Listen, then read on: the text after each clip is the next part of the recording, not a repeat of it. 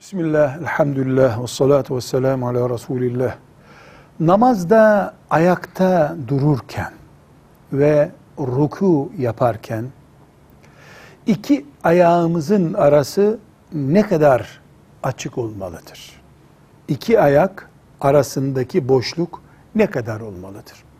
Bu konuda santimetrik bir ölçü Resulullah sallallahu aleyhi ve sellem tarafından verilmemiştir.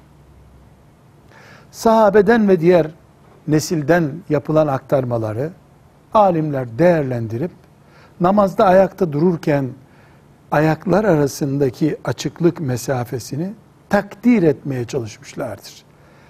Mezhebimiz Hanefi mezhebi uleması bunu dört parmak kadar 7-8 santim civarında bir mesafe olarak takdir etmişlerdir.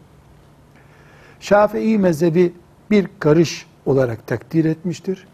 Hanbeli ve Maliki mezhebinde ise rahat ayakta durma pozisyonu kadar denmiştir.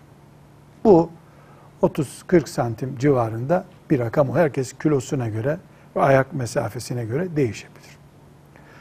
Bu namazın farzlarından, vaciplerinden, yapılmadığı zaman namazda sevgi secdeyi gerektirecek işlerden biri değil. Ama herkes din öğrendiği ulemasına, mezhebine uyarak yapması gereken bir görevdir. Dört parmak, bir karış ve rahat ayakta durma mesafesi herkesin hocası olan, peşinden gittiği alime uyup taklit edebileceği bir mesele. Velhamdülillahi Rabbil Alemin.